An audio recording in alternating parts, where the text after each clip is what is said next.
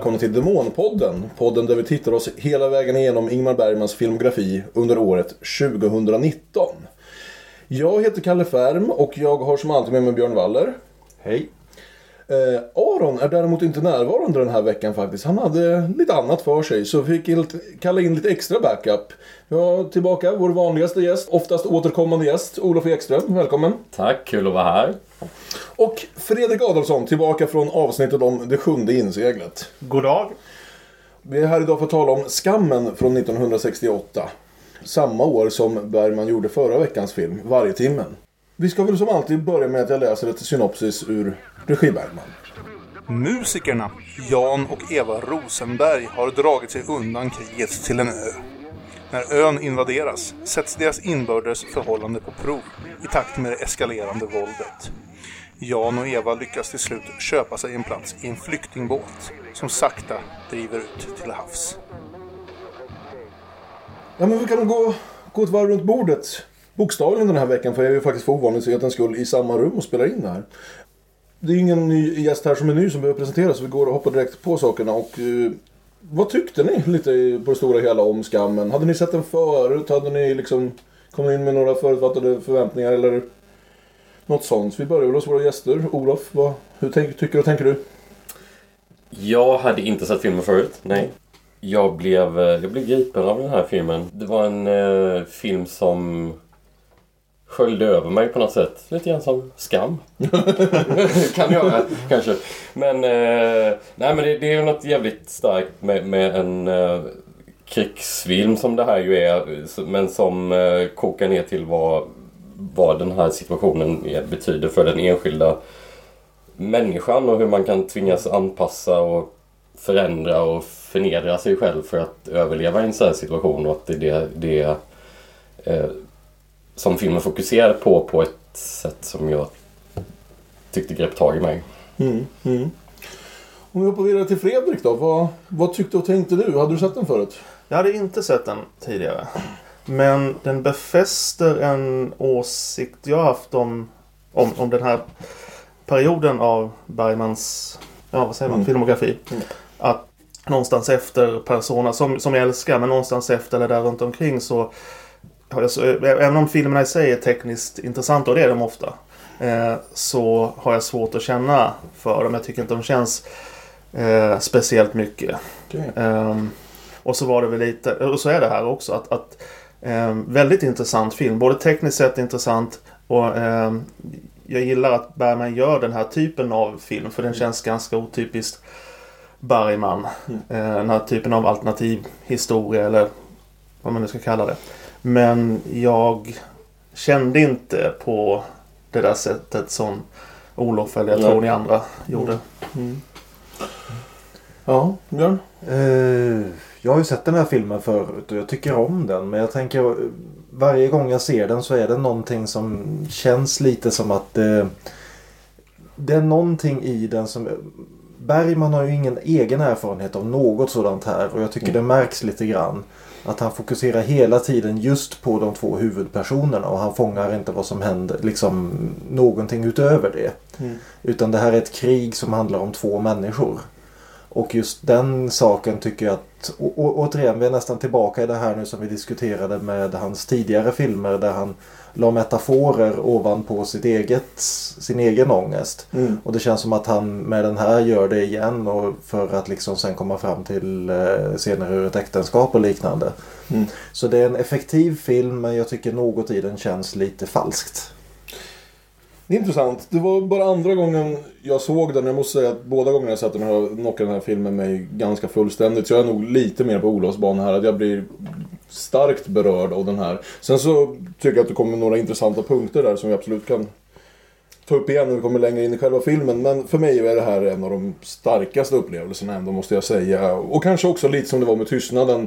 För att det ändå är en film jag inte har sett många gånger tidigare som jag inte känner mig jättebekant med på det sättet som jag till exempel är med, med Sjunde inseglet eller Smultron stället. Eh, så på det sättet, jag hade nog inte sett den på 15 år och bara en gång så nej, den lyckades välta mig en i- även denna gång. Men eh, med det sagt så kanske, som vi brukar säga nu för tiden, dags att starta filmen. ja, men vart är det vi är någonstans? Vi börjar i den ändan. Jo, vi börjar ju med hans vanliga förtexter med ett litet nytt typsnitt. Och istället för Bach Mm. så är det ju ljudet av diverse krigshetsare inklusive Hitler. Det är ljudet av kulsprutor. Och allt det här leder då över i ljudet av en väckarklocka. Mm. Och där ligger två människor och sover och vaknar väldigt motvilligt. Och vilka är det då? Ja, de får ju varsin jingel nu för tiden. Så det är Max von Sydow och Liv Ullmann. Kommer fortsätta att spela gift par både för Bergman och... eh, I andra sammanhang. I andra sammanhang. eh, li- Lite svårt att se den här filmen ibland och inte tänka på, på Utvandrarna kände jag liksom. Ja, Eh, jag ja. tänkte samma sak. Eh, Men hur som helst, de vaknar på morgonen av den här väldigt effekt, effektiva väckarklockan. Och en, en av de första sakerna som jag tänkte på var, var lite, lite kul att eh, det kändes som att Bergman för ovanlighetens skull hade försökt Max von, få Max von Sydow att se lite ful ut. Lite så här rugged eh, look. Och inte för att det funkade riktigt. Max von Sydow var ju väldigt snygg ändå. Som han ju alltid är. Men eh, för, för, för han får se lite härjad ut. Och inte bara vacker. Och, och det är också, man märker direkt att det här är ett ganska eh, moget förhållande om man säger. Eh, Liv Ullman knatar omkring topless, det är ingen grej med det. De har varit ihop länge, de känner varandra utan och innan och de är väl kanske inte på helt bästa fot med varandra just nu känner Nej. man också. Det är någon spänning där. Och det börjar också då med att eh, Max, eller Jan som han heter här, berättar en dröm han har haft. Kan du tänka dig, hade en sån egendomlig dröm. Vet du vad jag drömde? Jag drömde att vi var tillbaka i orkestern. Vi satt där bredvid varandra och repeterade fjärde Brandenburgkonserten. Långsamma satsen. Och allt det här som är nu, det hade vi bakom oss. Vi bara minns det som en mardröm. Vaknade om att jag grät. Jag började gråta redan medan vi spelade. Och där det då slås fast att de egentligen är orkestermusiker men ja, på grund av kriget som vi får höra talas om för första gången så har de inte kunnat vara det utan de bor nu i en stuga ute på landet där de odlar sin egen mat. Ja, och som sagt, vart är vi är någonstans? Vi satt och diskuterade mycket om det var Gotland eller något så här. Det är en hel, del i den här filmen som bygger på färg, att använda sig av färjor för att ta sig över till andra ställen. Att man måste ta båtar för att ta sig därifrån och så vidare.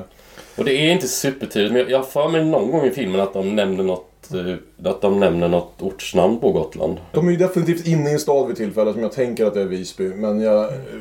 Ja, det, det är ju, filmen överhuvudtaget gör ju egentligen inte mycket av var de är. Nej. Det är å ena sidan så är allting väldigt, väldigt svenskt. Mm. Å andra sidan så nämns det möjligen med något undantag då, inga, orts, inga igenkännbara ortsnamn i alla fall.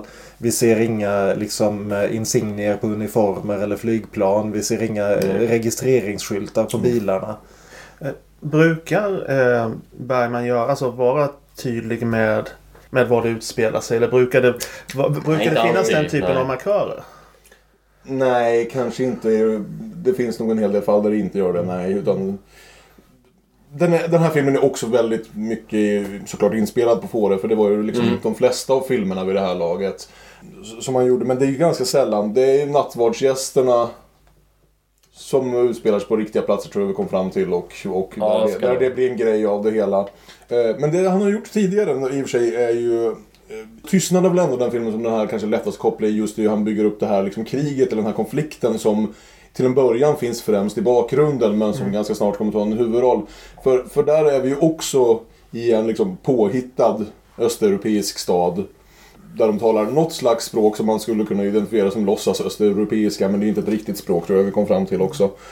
Det är spännande att han använder det här, för, för, för det ska man ju säga också att det pågår ju då en konflikt, ett krig. Eh, men trupperna från båda sidorna talar svenska. Det är inte en, liksom en invaderande...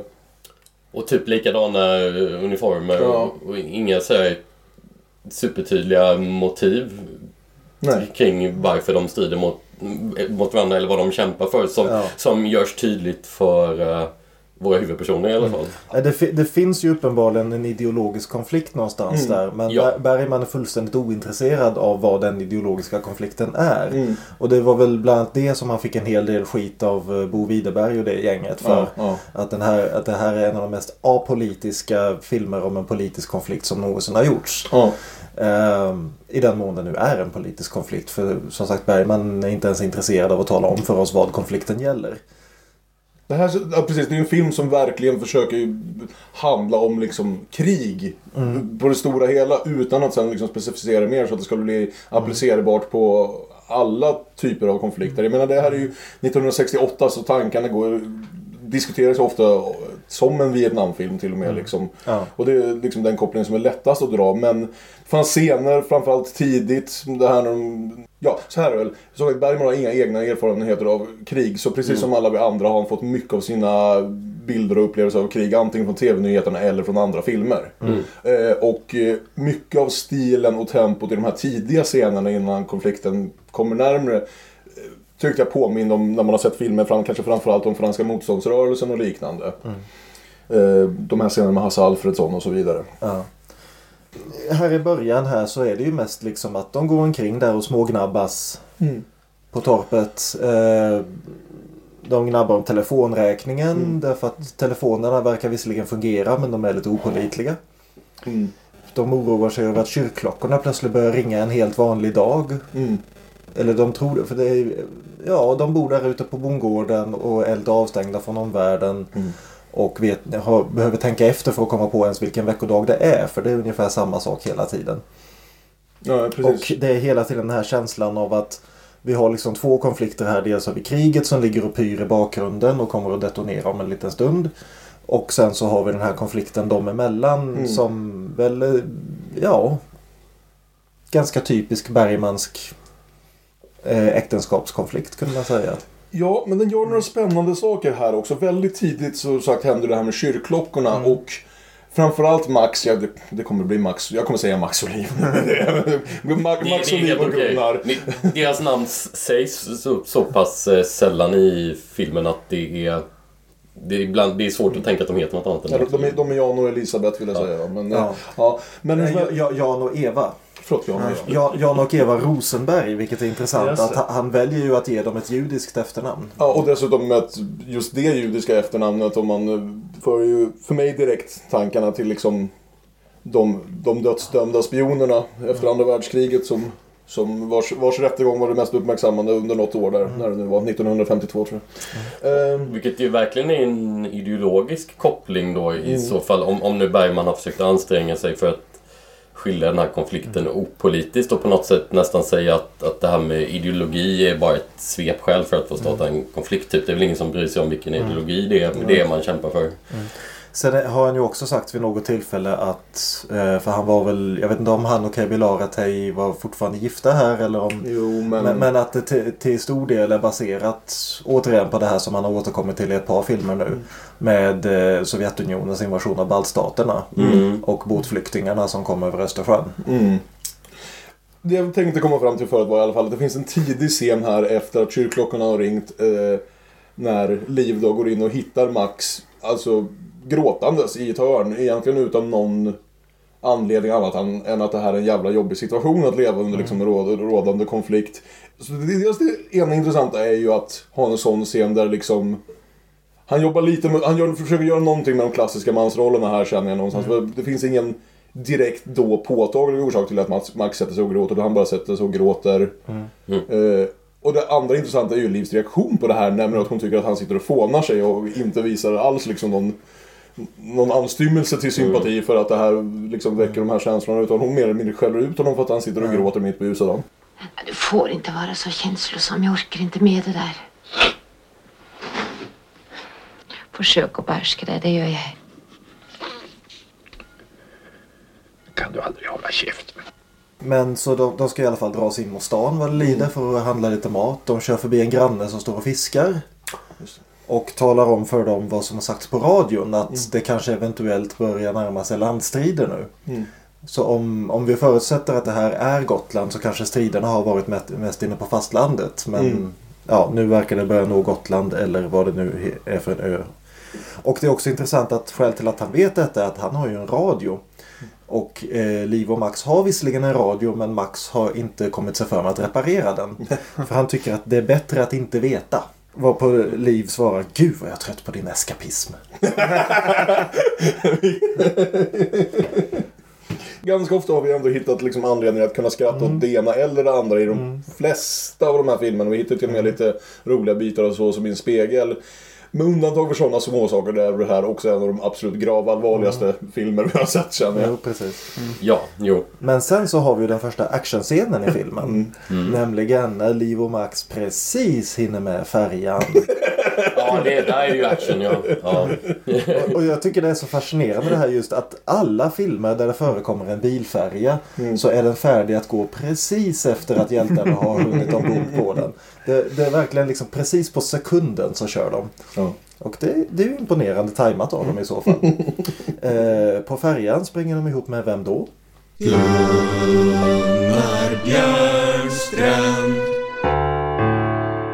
Som är fullkomligt oigenkännlig.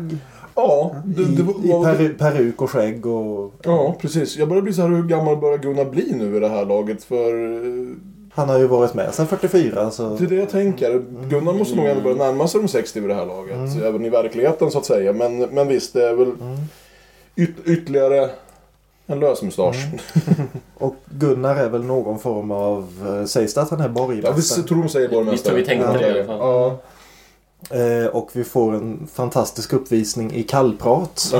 mellan Liv och Max och Gunnar och hans fru där de står och försöker prata om kriget utan att egentligen säga något om kriget. Och, Det frågar borgmästaren. De här militärtransporterna, betyder det något särskilt? Ja, läget har väl skärpts lite sista tiden kanske. Ja, de säger så mycket på radio, man vet inte vad man ska tro. Men Och det- vår radio är sönder jämt så. Jag tror jag tycker man ska leva, hoppet, leva på hoppet. Ja. Ja, vet man, man vet ju inte riktigt hur, hur Nej. det ska bli egentligen. Ja. Visserligen är det ett hemskt krig, men vad ska vi göra med lingonen? och, och det är liksom, det är ju sådana här ögonblick som jag verkligen tycker den här filmen är fantastisk. Just det här liksom helt tafatta diskussionen. Liksom, ja, man vet ju inte vad man ska tro. Nej, men det kommer ju bla bla bla bla. bla. och det, det är bara så avsigkommet. Ja, och, och, och också väldigt förståeligt. i Liksom en, särskilt med en man då som den här borgmästaren, när man tänker det att man vill inte upp, uppvisa egentligen några som helst åsikter som kan äh, komma att anses kontroversiella ifall det leder till liksom något värre fram, framöver. Eh, så alla måste vara så otroligt försiktiga med vad de liksom faktiskt säger till varandra. Eh, hela, hela tiden. Man liksom bara öppnar sig för de allra närmaste får man känslan av. Och vi får också ett, ett annat av de få skratten i filmen när Max säger Ja man hör ju så mycket på radio och Liv omedelbart säger Ja vi har ju ingen radio. ja. så de åker vidare in till stan och så ska de handla vin. För de har lyckats sälja lite lingon, Lingon, och grejer. Mm. Och var köper man vin i krigstider, Björn? Ja, det är, ju, det är ju självklart, det vet väl alla. Man går ju till Hasse Alfredsson. Antikhandlare Hasse Alfredsson. Som gör en jättefin insats här. Han har väl egentligen bara en riktig scen så att säga. Men Hasse är ju fantastisk här alltså. Sen har man hört alla historier om Hasse Alfredsson egentligen en skitstövel. Men Hasse har lyckats ofta som skådespelare frambringa någon slags eh, liksom värme och liksom så här. Och det är väl något med rösten och sådär också. Och man märker att till skillnad från hur de reagerar när de träffar borgmästaren märker man att Hasse är lite mer av en faktisk vän. Till Mm, dem. jag. Han låter dem eh, smaka på vinet eller liksom dri- dricka ett glas ihop innan de köper en flaska. Han, och... han nästan tvingar dem att dricka ett glas vin ihop med honom för att han inte ska vara så ensam. För han ska ju precis rycka ut i kriget. Mm. Han har blivit inkallad och han vill absolut inte ut i kriget. Och han frågar, tror ni det hjälper om jag säger att jag har ont i foten? Ja, han, han, han spelar verkligen en väldigt, en väldigt fin och så himla sorgsen eh, karaktär. Det blir en väldigt fin scen mellan honom och, och det här Liv och Max-paret. Ja. För mig så är det nog en av jag menar, få scener som jag verkligen ja, kände för, för. För karaktären och kände för det som, för det som hände och för hans eh, sällskapsbehov eller vad man ska säga. Ja. Tänk, när jag sitter här ensam bland alla mina saker så blir jag ibland så bedrövad. Jag vet inte varför. Det är väl bara för jag vet att ingen kommer att sakna mig om jag skulle försvinna. Inte ens fru Prins. Fru Prins? Nej, det är hon som städar här. Hon kommer en gång i veckan och så städar hon och sen lagar hon kaffe och sen ligger vi med varandra. Nej, fru Prins kommer nog inte att sörja mig nämnvärt. Hasse var ju en underskattad dramatisk skådis. Han hade ju några få dramatiska roller. Det är väl den Enfaldige här mördaren. Enfaldige mördaren, eh, Utvandrarna. Ja, just det. Mm. Hur som helst så, eh, ja. De lämnar stan och åker tillbaka ut till bondgården. Dricker sitt vin och börjar prata lite grann. Och plötsligt så känns allting så mycket lättare nu när de, jag vet inte om det är att, ja de har vin helt enkelt. Ja, ja, precis. Eh, och Max till och med lagar radion och Liv lagar ju maten och då lagar Max radion. Li- lite manlighet ska han få tillbaka.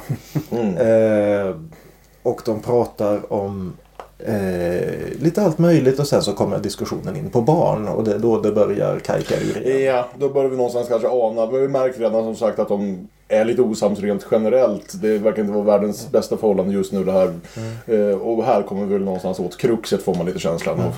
Och det, det här också, jag tycker att det, det här filmen försöker vara men sen att den använder det här krigmetaforen ovanpå det. Därför att här har vi ju liksom, eh, nu är väl, tror jag inte Max ett självporträtt här på något vis. Dels därför att Bergman gör inte så uttalade självporträtt längre i den här delen av sin karriär och dels att han skulle inte framställa sig själv så mesig och misslyckad som Max är. Nej, nej. Men det är liksom hela tiden, Liv har någon replik här om att Och du, nu menar jag inget personligt. Den tiden som vi gick bodde sammen, jag menar allt. Ja, ja, det vet vi ju vad du håller på med. Nej, jag gjorde ingenting. Ja, men du som kan spela in. Det kan vara därför att inte vi kan få barn. För att du har många kvinnor sånt. Nej, jag hade inget. Varför ska vi prata om det? Det var väl ingenting. Jag har alltid älskat dig, det vet du ju. Jag älskar dig. Operasångerskan då? Nej, jag brydde mig inte om henne, det vet du ju. Det var väl ingenting. Det var ju bara en gång. ta det inte personligt men tror du att det här att vi inte kan få barn, tror du att det beror på att du har vänstrat med alla kvinnor du någonsin har sett? För det är så det funkar. Eh, Men tänker du då att, att det är egentligen att Bergman vill göra någon slags skilsmässofilm eller vad man ska kalla Ja. det? Eller problem i förhållandet film? För, för det är ju det som ändå är den centrala konflikten i filmen som byggs upp redan innan kriget kommer. Och det är hela tiden förhållandet mellan de två stå, som står i centrum. Eh, och nu säger jag inte att folk i krig inte upplever konflikter sinsemellan. Självklart inte. Men, men det känns ändå som att det är där som han är i sitt esse så att säga. Det är, där han, det är där han känner för att hålla kameran stilla och titta på det här. Jag kan hålla med om det kanske lite grann, men jag tänker också en, en motsatt sätt att se det är väl att jag känner att Bergman också låter dem, som den här med barnfrågan till exempel, att de bearbetar sina känslor kring kriget i, genom den här barndiskussionen. För det svänger också väldigt fram och, fram och tillbaka. Eh, Den här barndiskussionen är ju något som kommer tillbaka som ett sätt för dem att bearbeta sin ångest kring kriget. Att det, det är ett symptom på deras reaktioner på kriget om, om de ska ha barn eller inte. Och att de, Ja. eh, Snarare än att det är det som driver, driver deras konflikt. Det är sant. Alltså, jag, jag, jag funderar på om det här, jag kan hitta ja, så- så svaret på varför jag har så svårt att känna något eh, direkt för, för den här filmen.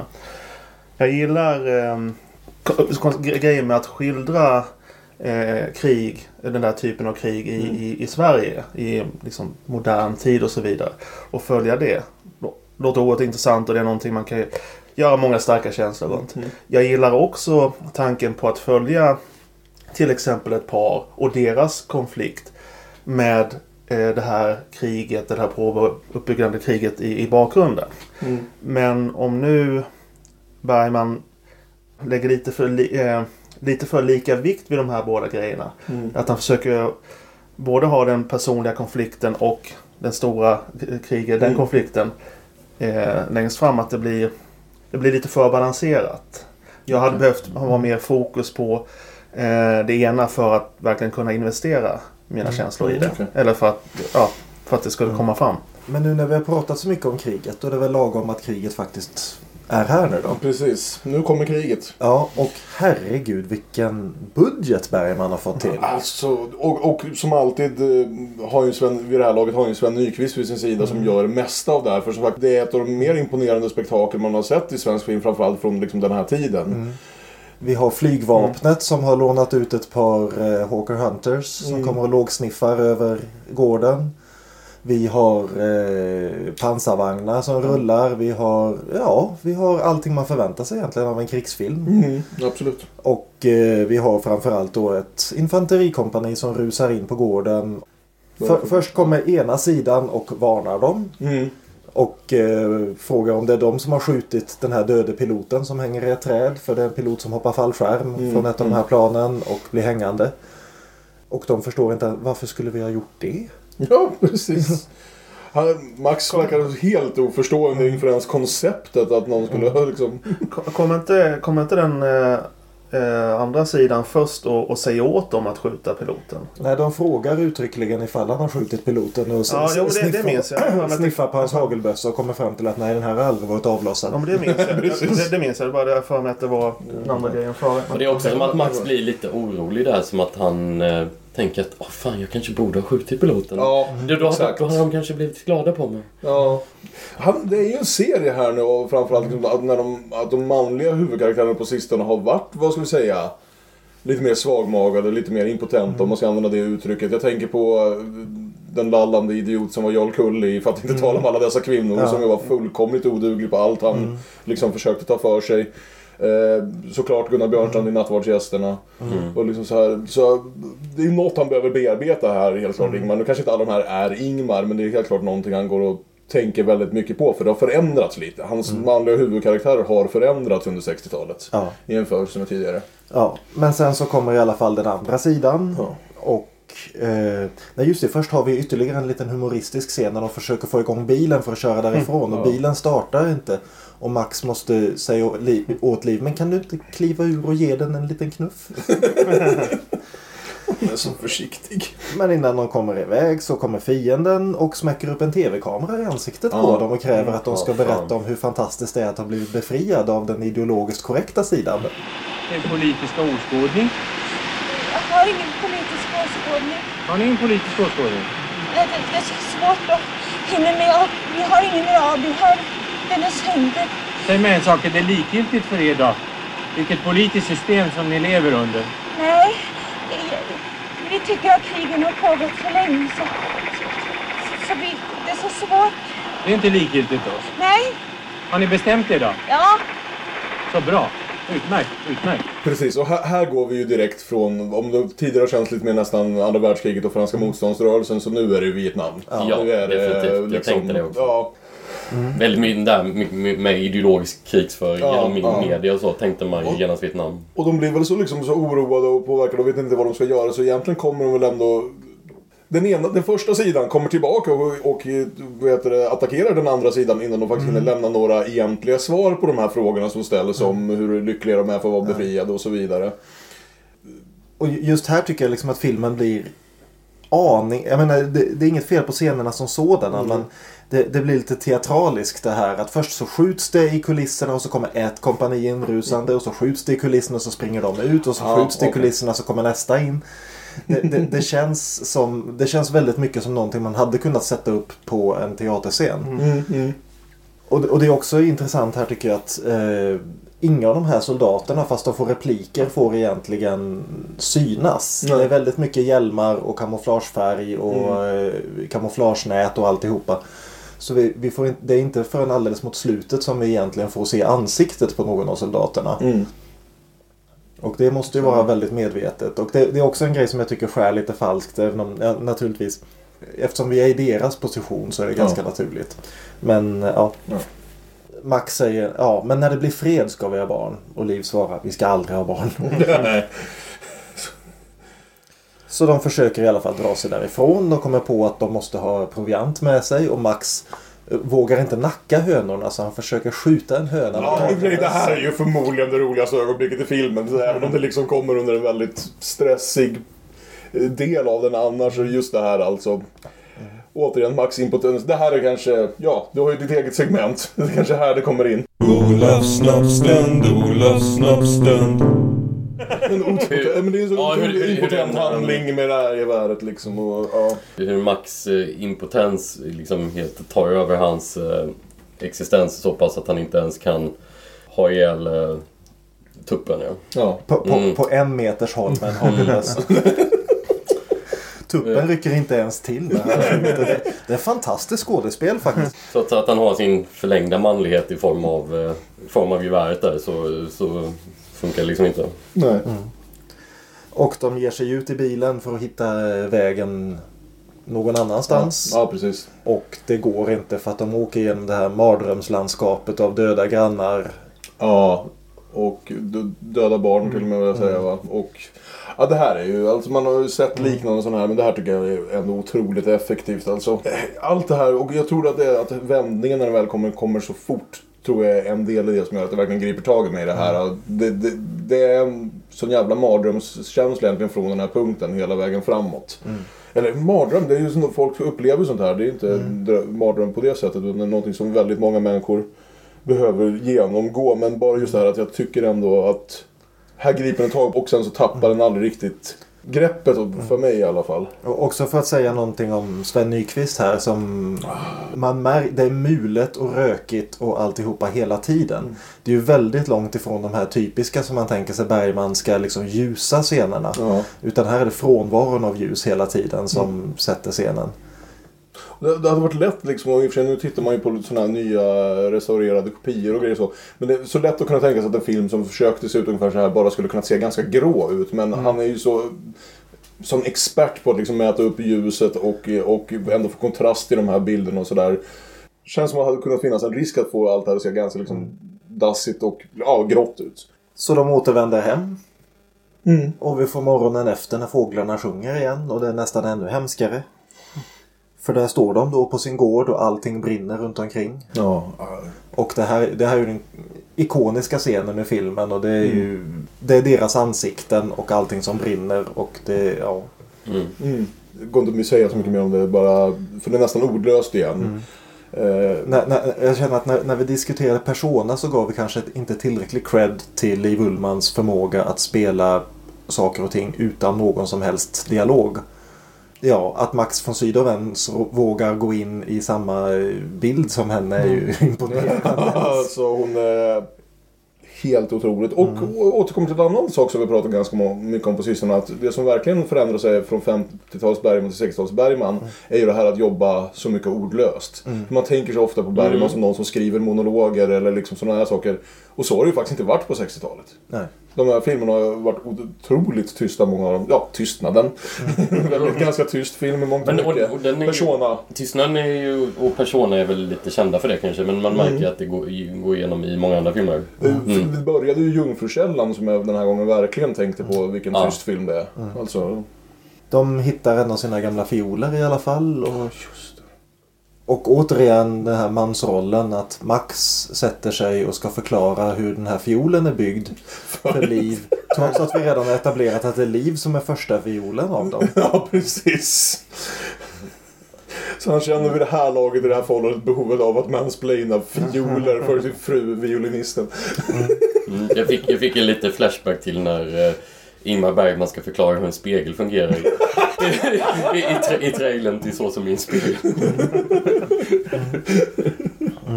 För nu kajkar allting åt helvete. Ja. Nu blir de tillfångatagna tillsammans med ett gäng andra. Mm. Blir eh, inskjutsade i en folkskola.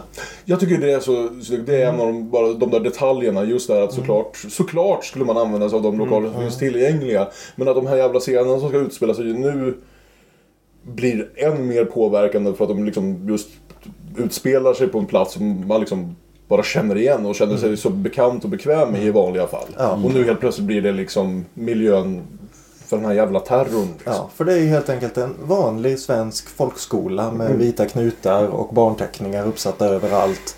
Dit då de oliktänkande har tagits för att ransakas och torteras och avrättas. Mm. Och vi får också då naturligtvis en title drop. Ja, precis. För det, för det är ju frågan, och som vi väl satt och diskuterade lite direkt efter att vi hade sett filmen. Nämligen just det här, vad är, vad är det som är just skammen i det här? Vet du, ibland är det som alltihop en dröm. Det är inte min dröm, det är någon annans som jag måste vara med. Hur tror du det går när den som drömt oss vaknar och skäms över sin dröm? Ja, och den som har drömt om och kanske vaknar och skäms över i sådana fall är väl Ingmar då? Ja. Är det Ingmars skam? Ja, han ska ju precis till att dumpa sin estniska fru. Och de blir inkallade och förhörda. Mm. Och vi får se den här tv-intervjun. Och plötsligt är Liv mycket mer vältalig. Och har mycket mindre norsk brytning än hon hade när scenen. För den här onda fiendesidan har ju dubbat över. Magiska knep man kan använda sig av. Vi har alltför länge lidit under ett frihetsberövande förtryck. Vi har längtat efter befrielsen som törstande i en öken. Jag önskar era trupper seger. Och jag förstår liksom aldrig om, de, om, om sidan som nu håller dem fångna är så jävla dumma att de inte kan se igenom det här. För det är ju inte som att det är liksom speciellt tekniskt välgjort hur överdubbad hon är. Eller så bryr de sig. Nej, de bryr sig Nej, men de, de, säger, de säger det senare att de, de, Mm. har, de har inte gått på den finten. Men de, Nej. de, men de är rädda för att många andra har gjort det. Så därför plockar de in Liv och Max. För att, säkerhets för skull, att liksom. off, Ja. officiellt statuera ett Mm. exempel. Men Ja. sen, sen låter de ju dem ändå gå i smyg. Och sen så måste man ju ändå säga liksom att eh, som liksom onda ideologiska krigare Mm. så har de ju liksom, de är ju ganska bra på sarkasmer också. För vi får ju till exempel det här att Max får höra när han blir uppspöad att här får du för ett dåligt tv-program. Och läkar, eh, läkaren som kommer in och drar, eh, det är en av de andra fångarna som har fått armen dragen ur led och nu kommer läkaren in, halar helt enkelt loss armen och drar den rätt. Och säger åt honom att låt bli att spela tennis de närmaste veckorna. Så jävla obehagligt. Det är typ den, ja, det är en av de, på, på något konstigt sätt en av de värsta jävla ögonblicken i Ja. filmen för mig. För det är... Ja, för Det blir så ja, hur vi- lättvindigt de tar på, Ja, exakt. på det. Och, och, och att göra sig lustig över, Ja. över en sån grymhet. Och, så- och, och också här direkt, vilket tyder på att de antingen varit väldigt förberedda eller att de liksom har kommit dit nu. Men de har ju slagits i lag i alla fall med liksom eh, de som redan är på platsen. Alltså som sagt borgmästaren får vi Mm. reda på ganska snart och säkert liksom de andra ja, överhuvudena. Och så hur som helst så dyker då Gunnar upp. Mm. Och känner igen dem och tar undan dem och förklarar just det här att Ja men vi vet ju att ni inte gjorde så här med flit men Mm. ni måste hålla med om att det ser lite konstigt ut att ni var de enda i hela byn som inte blev ihjälskjutna. Eh, och det här jag kan det hade varit lite intressantare om någon av dem faktiskt hade haft en åsikt. Ja. Kanske om Jo, de till och med ja. hade lite olika åsikter. För de, de, de, de är så aggressivt apolitiska här. Ja men exakt, de precis. Alltså det, den, han vill ju göra en film som ska vara så jävla allmängiltig. Som ska kunna, kunna gälla i stort sett alla liksom, konflikter. Oavsett vad det är. Och visst, det här blir väl lite problemet med det. Även om det är ingenting som riktigt stör mig just när jag sitter och tittar på det. Men jo, jag kan... Han försöker gå en så intressant balansgång med att de här två ska kunna vara vilka som helst. Alltså liksom every man. Jo, men jag kan kanske hålla med. Det hade förändrat ganska mycket. Alltså, det hade varit en ganska liten ändring så, men det hade förändrat ganska mycket hur filmen hade känts tror jag. Mm. Om de liksom hade varit tagit ställningar, antingen liksom aktivt, eh, ja men det är ju liksom, det är under Vietnamkriget, antingen mer aktiv bara antikrigsstans eller som sagt liksom haft någon slags ideologisk Mm. ståndpunkt i den här konflikten. De hade kunnat ha en åsikt utan att vara aktivt engagerad i någon av rörelserna. Ja, i alla fall veta vad de föredrar. För de har ju ingen som helst, det verkar ju vara Nej. precis skitsamma vilken av de här sidorna som... Alltså för nu har de ju blivit lika illa behandlade av båda sidorna Mm. inom väldigt kort tid här. Precis. Men Det är någonting filmen kritiserar också. Jag vet inte om vi pratar om, om det. Så, men, men den här skammen att, att, eh, att de kanske bör skämmas över att de inte väljer.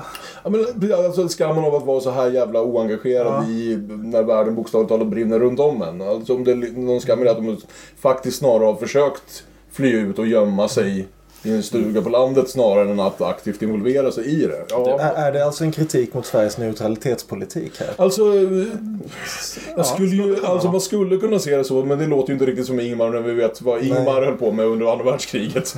Och sådär, så, Men skäms han inte eh, rätt mycket för det vid det här laget, Ingmar Bergman, att han hade då nazistiska åsikter under andra världskriget? Och att... Ingmar, skulle, Ingmar skulle ju aldrig öppet och utåt till någon intervju eller liknande någonsin erkänna en sån sak som skam, tror jag. Men det skulle man väl kunna tänka sig att han har. Att han bearbetar det. Att det kanske skulle vara den skammen som han bearbetar i Ja, den här att, filmen. att göra det på det här sättet vore ganska ja, ty, alltså typiskt Mm. sätt att bearbeta det på. Ja, hur som helst så har vi ett litet timeskip här. Ja, det har vi. Oklart hur långt. Mm. Men vi är tillbaka på bondgården. De går där och skördar. Mm. och hatar varandra. Ja. Och det är nu det lite lugnare i konflikten igen då. Ja, det verkar så till en början i alla Och fall. de ska göra planer för att lära sig italienska Mm. och Precis. sådär. Och, och eh, spela fiol och Mm. skaffa barn igen. Ja, men det är ju helt klart att efter att konflikten har, har nått dem så har det har inte direkt hjälpt er. De har inte knutit tä- tätare samman av det. Och samtidigt så blir det också tydligt när Gunnar kommer på besök att de är väldigt mycket där på hans nåder. Ja. Att Gunnar har blivit någon sorts liten eh, marskalk Pétain Mm. över Fårö. Ja, ja. Eh, och i princip det är han som bestämmer och hans skam i det är väl det som får honom att försöka behandla Liv och Max de två enda kvar för och liksom be- behandla dem väldigt snällt. Så att, Mm. å, å, återigen könsrollerna. Så han, han hälsar på så har han eh, presenter till dem bägge två. Max får ett originalstycke av Dvorak och Liv får en ring. Men det blir också ganska tydligt ganska fort att han utnyttjar den här maktpositionen. Precis. På lite otrevligare sätt. Utan han tar med sig Mm. Liv in i sängkammaren. Och han säger också uttryckligen att om det inte vore mina vänner skulle jag skickat det till arbetsläger för länge sedan. Vet du att du sätter oss i en fruktansvärd situation och har kommit så ofta? Ja, jag förstår. Du vill inte ha mig här. Det är ett besked. Nej, det- vi får inte missförstå Eva. Det var inte så hon menade. Hon menar bara... Hon menar på sätt jag tycker om er. Ni har blivit mina vänner för skingring. Annars kunde jag skicka er på ett arbetsläger. Fan, det är så jävla obehagligt. Mm. Och vi har den här repliken. Konstens heliga frihet. Konstens heliga slapphet. Ja. Vil- Vilket jag tycker är intressant att han mitt i den här filmen där han vägrar ta ställning för eller emot faktiskt kritiserar Precis. just Ja. konstens vägran att ta ställning för eller emot. Eller åtminstone är- låter en karaktär Alltså, det. ju mer när man slår ihop allt det här med det vi för- förut. Det, måste, det, är nog en film om Ingmars skam. Ändå. Eller kanske i det här fallet att han lägger på hela sin liksom... Hela konstnärsklubben. Som han är ju helt klart själv en del av det. Så. Mm. Jag menar, han har inte varit dålig på att kritisera sig själv genom filmerna. Han har alltid varit väldigt dålig på att göra det i, i intervjuer eller andra saker. Mm. Där han väldigt... Men han kan framställa versioner av sig själv i, i filmer i dåliga dagar i och för sig. Det, det är ju det hälften av Mm. filmerna är, känner jag Mm. någonstans.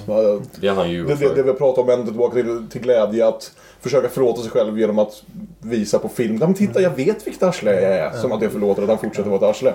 Men, men någonstans här kan jag också tycka att jag hade nästan velat att filmen följde Gunnar lika mycket som dem. Mm. För han är ju den som verkligen befinner sig i en konfliktsituation här. Inte så att han på något vis är oskyldig till den, för det är han ju Nej. definitivt inte. Men han är väldigt fångad av omständigheterna. Ja, precis. Mm. Eh, han säger ju det liksom att han tog det här jobbet därför att han var rädd att bli skickad till fronten annars. Vilket jag vet inte varför någon skulle skicka en 60-årig borgmästare till fronten. det är en fråga man kan ställa sig. Ja, men hur som helst så ger han Liv eh, sina besparingar, påstår han i alla fall. Och det är inte svenska pengar tror jag. Utan det är någon form av Nej. monopolpengar. Ja. Och de går ut och vänslas lite grann i eh, växthuset. Och just om man ska vänstra hemma på gården kanske inte välja det huset som består helt och hållet av glasrutor. Hoppas de inte kastar någon sten. För Max, Max ser ju då detta och hittar pengarna och stoppar dem i fickan. Ja, just det. Eller i kalsongerna till och med. Ja, just det. Det gör han. Ja, alltså, och det är lite svårt någonstans att... Alltså de trivs ju såklart inte i den här situationen men de verkar ju vara, i alla fall Liv verkar ju ha accepterat den. Max är ju liksom naturligtvis frustrerad och så här men det, det är svårt att försöka läsa av dem. För som sagt, inte jättemycket dialog de har med varandra där de faktiskt säger rätt ut vad de tycker och tänker om några saker. Utan de flesta scener de har vid det här laget i filmen är ju med människor som de inte vågar prata öppet med. Ja, och vi, den enda repliken vi får där det är ju när Liv kommer tillbaka in i huset. Max sitter och gråter i trappen. Och Liv säger Gråt du om du tror att det hjälper. och det, ja.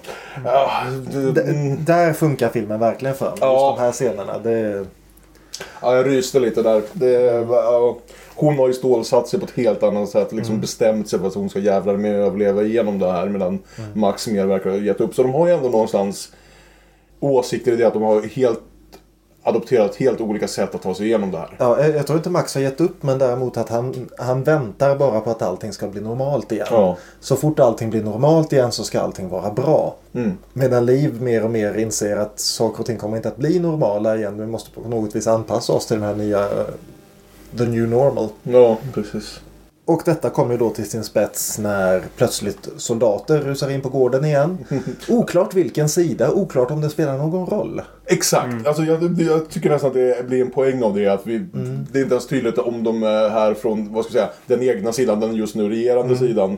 För att liksom eh, hitta förrädare hos sina egna eller om den andra sidan är här igen. Liksom. Nej, för någon är ju där. De är ju där för att gripa borgmästaren. Men han kan ju lika gärna ha kommit ihop sig med de han har jobbat för. Ja. Ja. För de säger i alla fall det att rörelsen behöver alltid pengar så Mm. han kan köpa sig loss. Och då ber han Liv att ja men ge mig pengarna jag precis gav dig. Och hon tittar på Max och Max säger vilka pengar?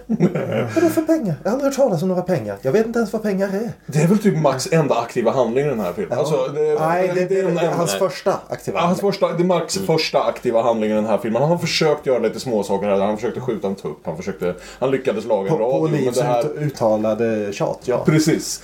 Det är första gången han gör ett beslut för sig själv och eh, gör någonting som faktiskt påverkar hela den här situationen. Och priset han får för det då är att då är det ju han som måste avrätta Gunnar också. Mm. Och ly- misslyckas med det också. Mm. Och eh, var på soldaterna börjar leta efter pengarna och allting ryker inklusive den gamla fina fiolen från Mm. 1800-talet och hela huset bränns ner. Det är deras ge- gemensamma hem som förstörs här kan man väl säga ifall vi ska hålla oss till äktenskapsmetaforen Ja, ja. att nu går det inte att bygga upp längre. Alltså det, ja, det, det är ju något som ändå blir så slående av att man har ju sett sådana här scener i en del andra filmer. Jag tänker inte nämna några nu ifall jag råkar förstöra lite dubbelbullar för folk. Eh, men, men eh, just det här att se det i de här typiskt svenska miljöerna, vilket är naturligtvis inte inte en realistisk film, alltså realistisk som att det handlar om en faktisk konflikt hade kunnat göra i och med att vi liksom bor i det land vi gör. Vi har varit i fred i några hundra år vid det här laget. Det finns inga sådana möjligheter utan det här är ju enda sättet att liksom försätta det i just den här miljön. Och jag, tycker det funkar väldigt, väldigt bra vid det här laget. Mm. Det är en av de här gångerna när jag liksom jag hör, hör era invändningar Fredrik och Björn och liksom någonstans hänger med, jag förstår vad, vad ni säger och sådär men det påverkar inte min, hur, hur den här filmen har en jävla effekt på mig. Alltså jag håller med er om att saker hade absolut inte hade kunnat göra sig annorlunda och kanske fått ytterligare starkare effekt. Men när jag väl sitter där och tittar så är den här bara, jag bara dras med. För nu har de inget annat val än att bosätta sig i eh, växthuset som är den enda byggnaden som fortfarande står upp. Mm. Det finns just ingenstans för dem att åka heller. Nej. Eh, fram till att de kommer hem efter en matexpedition och det ligger en sårad soldat i Mm. deras växthus. Mm. Oklart återigen vilken sida. Ja, oklart om det spelar någon roll överhuvudtaget. Ja. Han har i alla fall fått höra att det finns en fiskebåt som ska avgå från ett ställe Mm. ett stycke därifrån. Max återigen får för sig att göra någonting. Och vad är det han gör då? Han stjäl den här soldatens k-pist, marscherar ut honom och nästa vi ser så sitter Max där med har k-pisten och har stövlarna och har eh, eh, uppgifter om exakt var den här båten ska gå. Det här känns ju som en cover lite grann på Jungfrukällan-slutet där. Att Liv, Ja. Liv undrar vad har du gjort med pojken? Och han svarar helt enkelt inte. Nej. Och, eh, Det är ju väldigt ing- nära ingen- samma scen alltså. Ja, ingen sniffar på geväret den här gången för det är ganska uppenbart vad han har gjort med pojken. Ja. Så de klär ut sig till två stycken Bellatar. Allihopa bara tittade på varandra. Turinhästen? Och jag undrar om det inte till och med är så att de sitter och äter lite kokt potatis där i växten. för, för, för att ytterligare för, försegla den här Turinhäst-kopplingen. Mm. de bara käkar potatis hela tiden. Ingmar Bergman, detta geni, refererar Turinhästen 50 år innan den gjordes. eh, släpar bort allt de äger i en liten kärra bort mot det här fiskeläget. Och tränger sig ombord på det som, Ja. vi, det som man väl först tror är en liten roddbåt som ska ta dem ut till någon större båt men som sen visar sig att de ska över havet i den här. Just den här biten. Visst att det var just då som vi pratade om att det var mycket tal om de estniska båtflyktingarna och så Mm. vidare. Men de här scenerna när vi lever som vi gör just idag och liksom båtflyktingar är... Mm. Det finns modernare kopplingar än, än Precis. båtflyktingarna. En del, en del av de här andra tidigare scenerna Visst att de beskriver konflikter som fortfarande finns och sådär men när jag tittar på dem så känns de ju ändå som att de refererar saker antingen som var aktuella då eller till och med tidigare. Vissa bitar känns som andra världskriget och franska motståndsrörelsen. Vissa bitar känns som Vietnam. Båtscenerna känns som om de var igår liksom. Jo, precis. Ja. Och det här också, jag tycker, det är ett av de få liksom Tyvärr, för det är en väldigt, väldigt stark scen. Men det är också Mm. ett av de få små regifelstegen i filmen. När de måste ro genom ett helt kompani med flytande kroppar. Mm.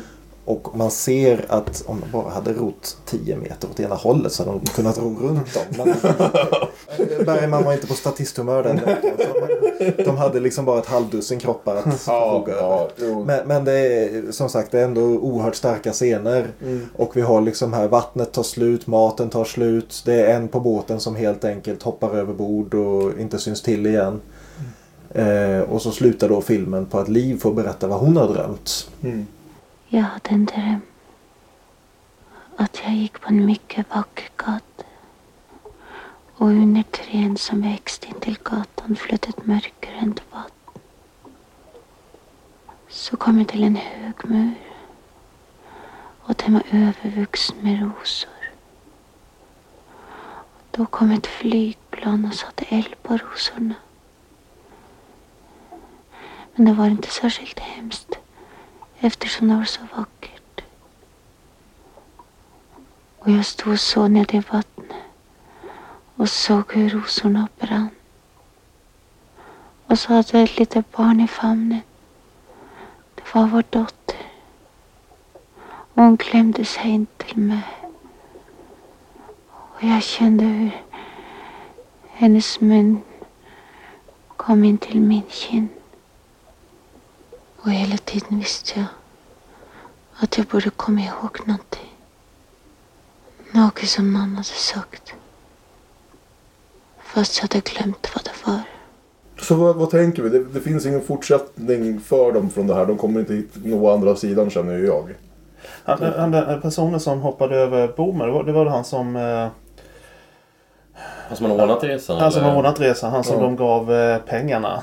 Som då liksom bara Det var det ja. Så han, Men jaha, jag, för jag tänkte ju att han hoppade av för att ta livet av sig. Men... men eh, Ja, det, är det, alltså det är väl det som... Jag, jag, jag tänker att han har rott vilse. Han, de, han tänker att han någonstans hade ansvaret att faktiskt försöka hitta den andra sidan vart den nu är. Och Ja. att han inser att han inte kommer göra det.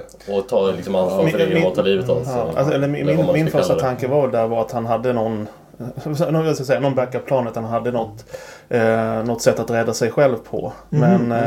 eh, Han måste och bara ju tänkt sig en, men- en överlevnad från det här genom att det han har tagit emot en massa pengar från andra. Jo, men han hoppar, han hoppar i Östersjön med en stor eh, skinnrock på sig. Då, då kommer han ju inte överleva det. Nej. Nej. Nej, jag, jag... menar fram tills dess så... Mm. Alltså, han har ju tänkt att tjäna storkovan på detta Precis. och, och eh, gå vidare i livet så att säga. Och det, och det är ju intressant just det också som jag glömde nämna här men som du tog upp Fredrik att eh, det är ju just pengarna som han stal Mm. från Gunnars lik mer eller mindre Ja. som gör att de kommer ombord på den här båten. Ja, precis.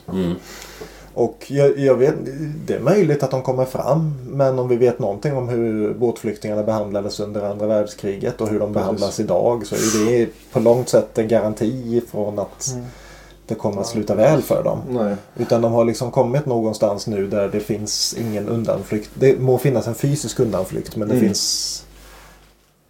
De är inte samma människor längre. Nej. Nej. Men, men, men eh, vad, gäller, vad gäller slutet och det här med vad titeln eventuellt betyder. Mm. Att jag tänker att även slutet befäster den, den teorin i det att de går igenom hela filmen utan att eh, utan att välja sida, utan att eh, ja, och Mm. allt det där. Eh, men när de väl gör det, eller när väl Max gör det, när han Mm. faktiskt tar lite som handlingskraft. Då är det ju inte nödvändigtvis medmänskliga saker han gör. Nej. Nej. Han, han stjäl eh, pengarna och sätter ju Gunnar Björnstrand i en Mm. jävla knipa. Han eh, tar ut den här pojken i skogen.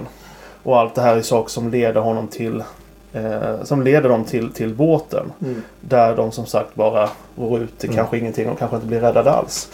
Så jag menar när de väl tar beslut och när de tar ur ett jag vet inte, mänskligt eller etiskt perspektiv tar fel beslut.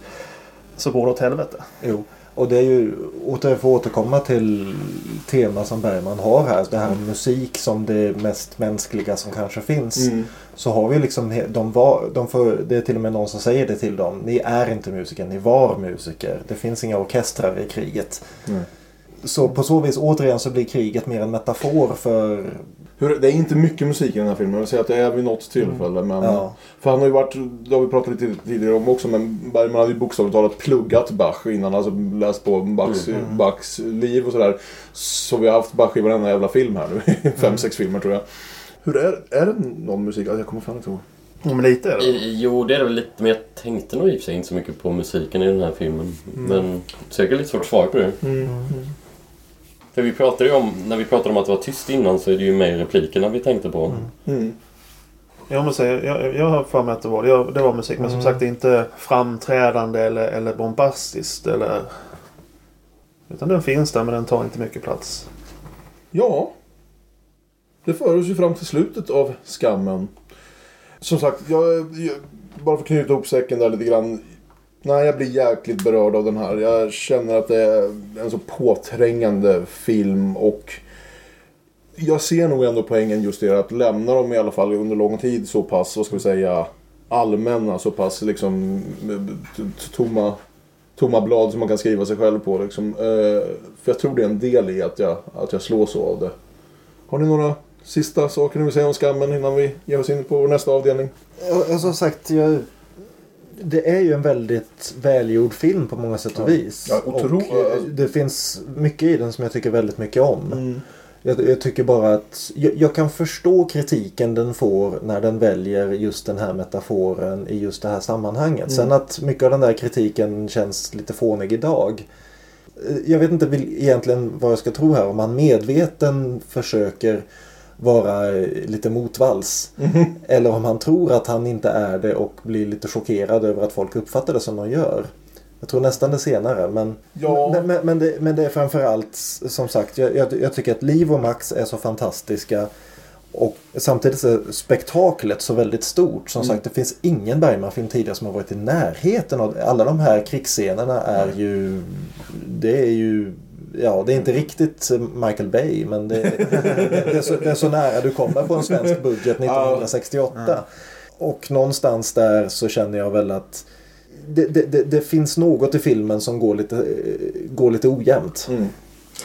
Jag har ju nämnt det flera gånger tidigare att Ingmar var ju inte direkt den som ville liksom lägga politiken front and center i, i sina filmer. Utan man, vi har ju letat upp en del saker känns som i detaljer här och där. Tystnaden pratade vi en del om det och sådär. Men så därför blir det ju intressant att när han gör den film som liksom inte skulle, tycker man inte skulle kunna gå att undvika att göra politisk så blir han nästan extremt politisk i att han är så apolitisk. Vi prat- pratade om det här tidigare om saker som uppenbart inte finns i hans filmer. Att, att hur tystnaden blir en film om Guds tystnad utan att knappt ens nämna gubben. Liksom. Men i Skammen så även om det, det är en väldigt opolitisk film och folk tar, tar inte politisk ställning. Samtidigt så visar ju filmen ganska tydligt att det är inte precis som att du kommer leva ett långt och lyckligt liv om du undviker att ta ställning till saker. Det, det, det, det kommer ju gå åt helvete ändå, eller på säga, bara på andra, andra mer Mm. spännande sätt. Är, är, det, är det det som Liv har glömt i slutet helt enkelt? Mm. Ja, Ja. kanske. Ja. De har glömt att stå för någonting. Men att det, men att det inte riktigt är egentligen inte ett jättebra alternativ att låta bli att ta ställning heller i så fall. Nej, nej, nej. Nej, jag tror det är, det, jag tror det är en del av skammen. Mm. Bokstavligt talat. Liksom. Ja. Ja.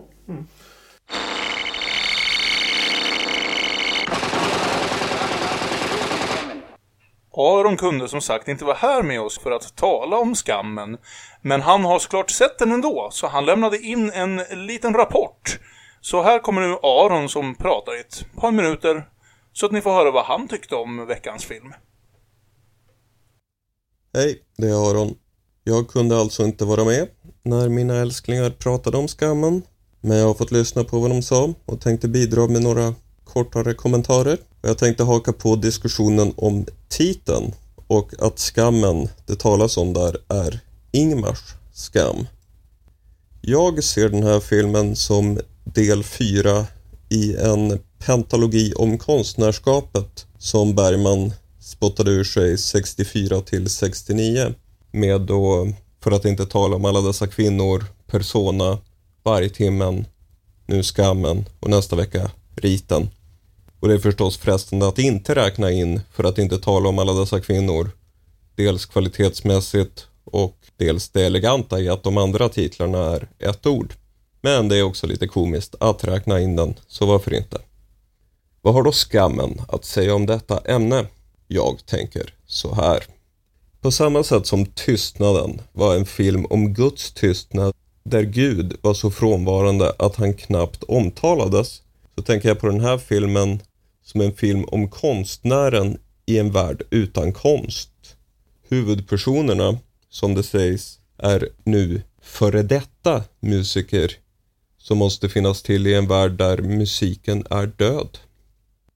I Persona så fanns ju de där ögonblicken där Elisabeth Fogler tittade på bilder från Vietnamkriget och fotografiet från Warszawagettot. Och i det avsnittet tog vi upp en kommentar från Ingmar att det där var exempel på sånt som konsten, hur uppfinningsrik den än må vara, inte kommer åt. Och det är lite så jag nu tänker att kriget spelar in här i skammen också. Kriget är en värld utan konst. Och visst, frågan dyker upp. Finns det något obscent i att behandla krig på ett så abstrakt sätt? Björn hade några kommentarer i den riktningen. Jag är inte lika indignerad, men sen kan jag väl hålla med om att det inte funkar superbra alla gånger. Men, men. Bergman har medvetet varit och dunkat huvudet mot filmmediets gränser de senaste åren. Igen kanske tydligast i Persona när filmen brinner sönder och de där knäpparna då och då att det är bara en film. Och om man följer de där kopplingarna som dök upp hos mig så skulle idén med en krigsfilm vara att den utspelar sig bortom vad filmen har någon rätt att säga någonting om. Och jag tänker mig att det är där det blir en fråga om skam. Det finns en värld utanför konsten, en värld konstnären inte rår på men samtidigt är fast i. Verkligheten jävlas, som det sägs i Persona, återigen. Och här har vi då tanken på drömmaren som vaknar och känner skam för sin dröm. Konstnären som konstnär är liksom drömmaren skamlös och fri. Men hon vaknar, kommer tillbaka till verkligheten och friheten ser helt plötsligt ut som godtycklighet. Berusning blir baksmälla, skamlöshetens njutningar övergår i skam. Konstens heliga frihet, konstens heliga slapphet. På så vis tänker jag då på den här filmen som en reflektion över konstnärens villkor. Det är givetvis inte det enda filmen handlar om, men det var något jag funderade på. Kanske mycket på grund av var vi är i filmografin, nu när vi ser rubbet kronologiskt. Men det var vad jag tänkte. Kvalitetsomdöme då? Här håller jag nog med Björn, att det finns en hel del tveksamheter, men också att den stundtals är helt lysande. Och dubbelbull. Eftersom jag inte är med på riktigt i det här avsnittet så tillåter jag mig att ta en bok, nämligen Dostojevskijs Anteckningar från underjorden, alternativt från ett källarhål, beroende på vilken översättning du får tag på. Mycket då för att den innehåller en hel del väldigt skarpa betraktelser om skam. Förra avsnittet var det ju också en novell jag ville tipsa om, men då letade jag i alla fall upp en filmatisering. Jag har inte sett någon av filmatiseringarna som finns av Dostojevskij-historien. Men de är säkert superbra. Det var vad jag hade. Tack för mig. Puss och kram.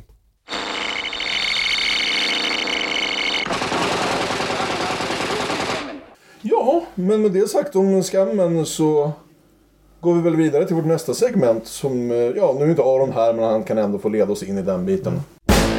Dubbelbull, dubbelspel, parhäst, filmfest. Och vi börjar väl som alltid hos våra gäster. Vad har ni för film Montro som ni skulle vilja para ihop med, med skammen om man nu inte känner sig deppig nog. Ni kanske hittar något lättviktigt att vä- väga upp det eller får bara dyka lite djupare ner. Eh, Olof?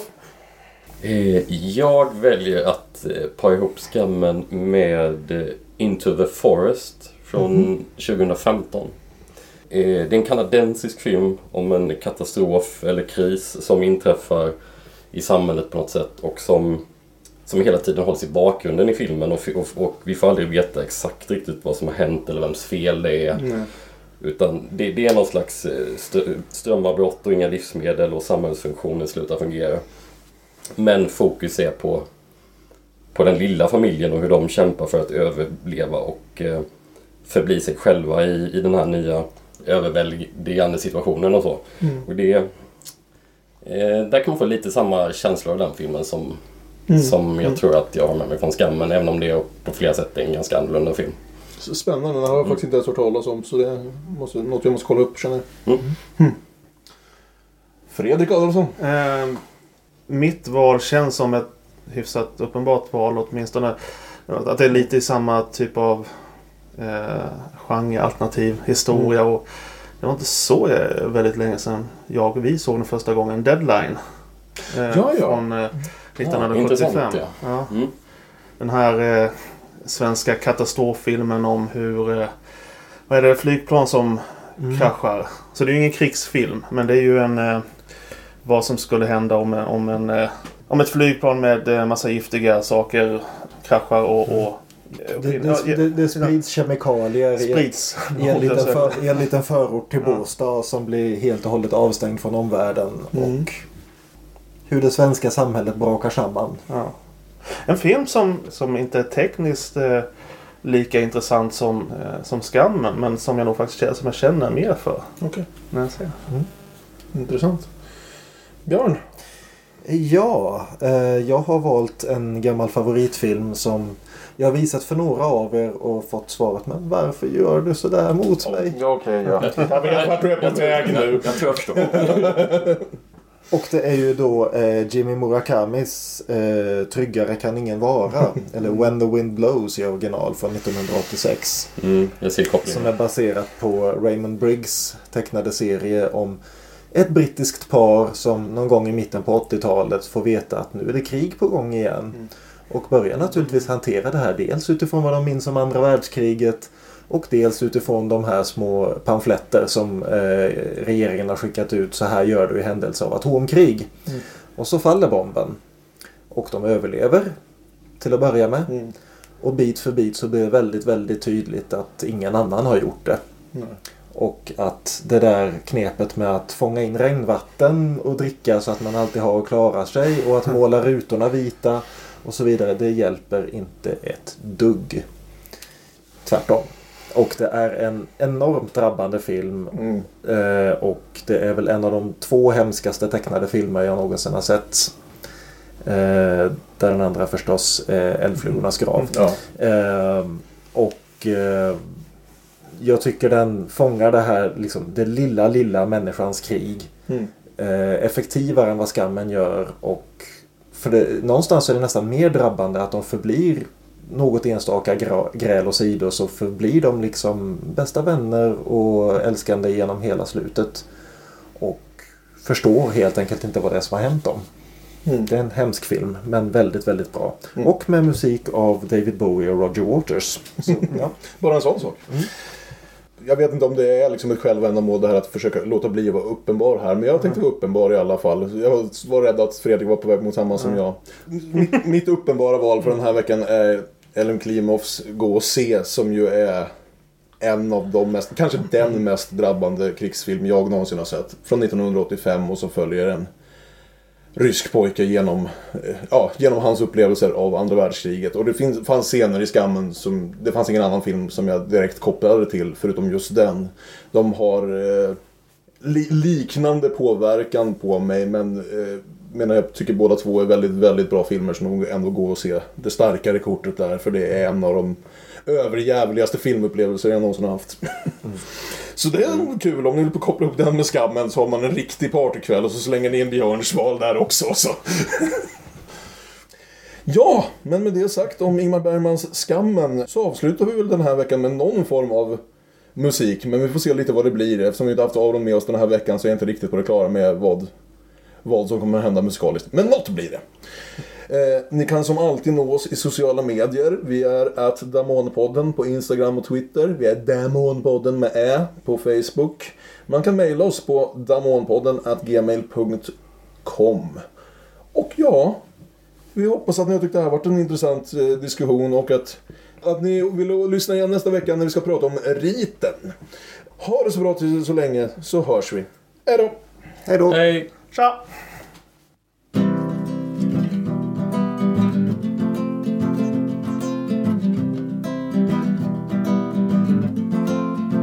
När kriget kommer behövs inga fioler. När kriget kommer stängs du in i skolor. Vad fan kan jag säga om Vietnam? Allt jag känner till är skam. När kriget kommer kan man inte skjuta hönor. När kriget kommer hjälper inga böner. Vad fan kan jag säga om Vietnam? Allt jag känner till är skam. När kriget kommer får Hasse ont i fötter. När kriget kommer brinner pianonötter. Vad fan kan jag säga om Vietnam? Allt jag känner till är skam. Vad fan kan jag säga om Vietnam? Allt jag känner till är skam. Vad fan kan jag säga om Vietnam? Allt jag känner till är skam.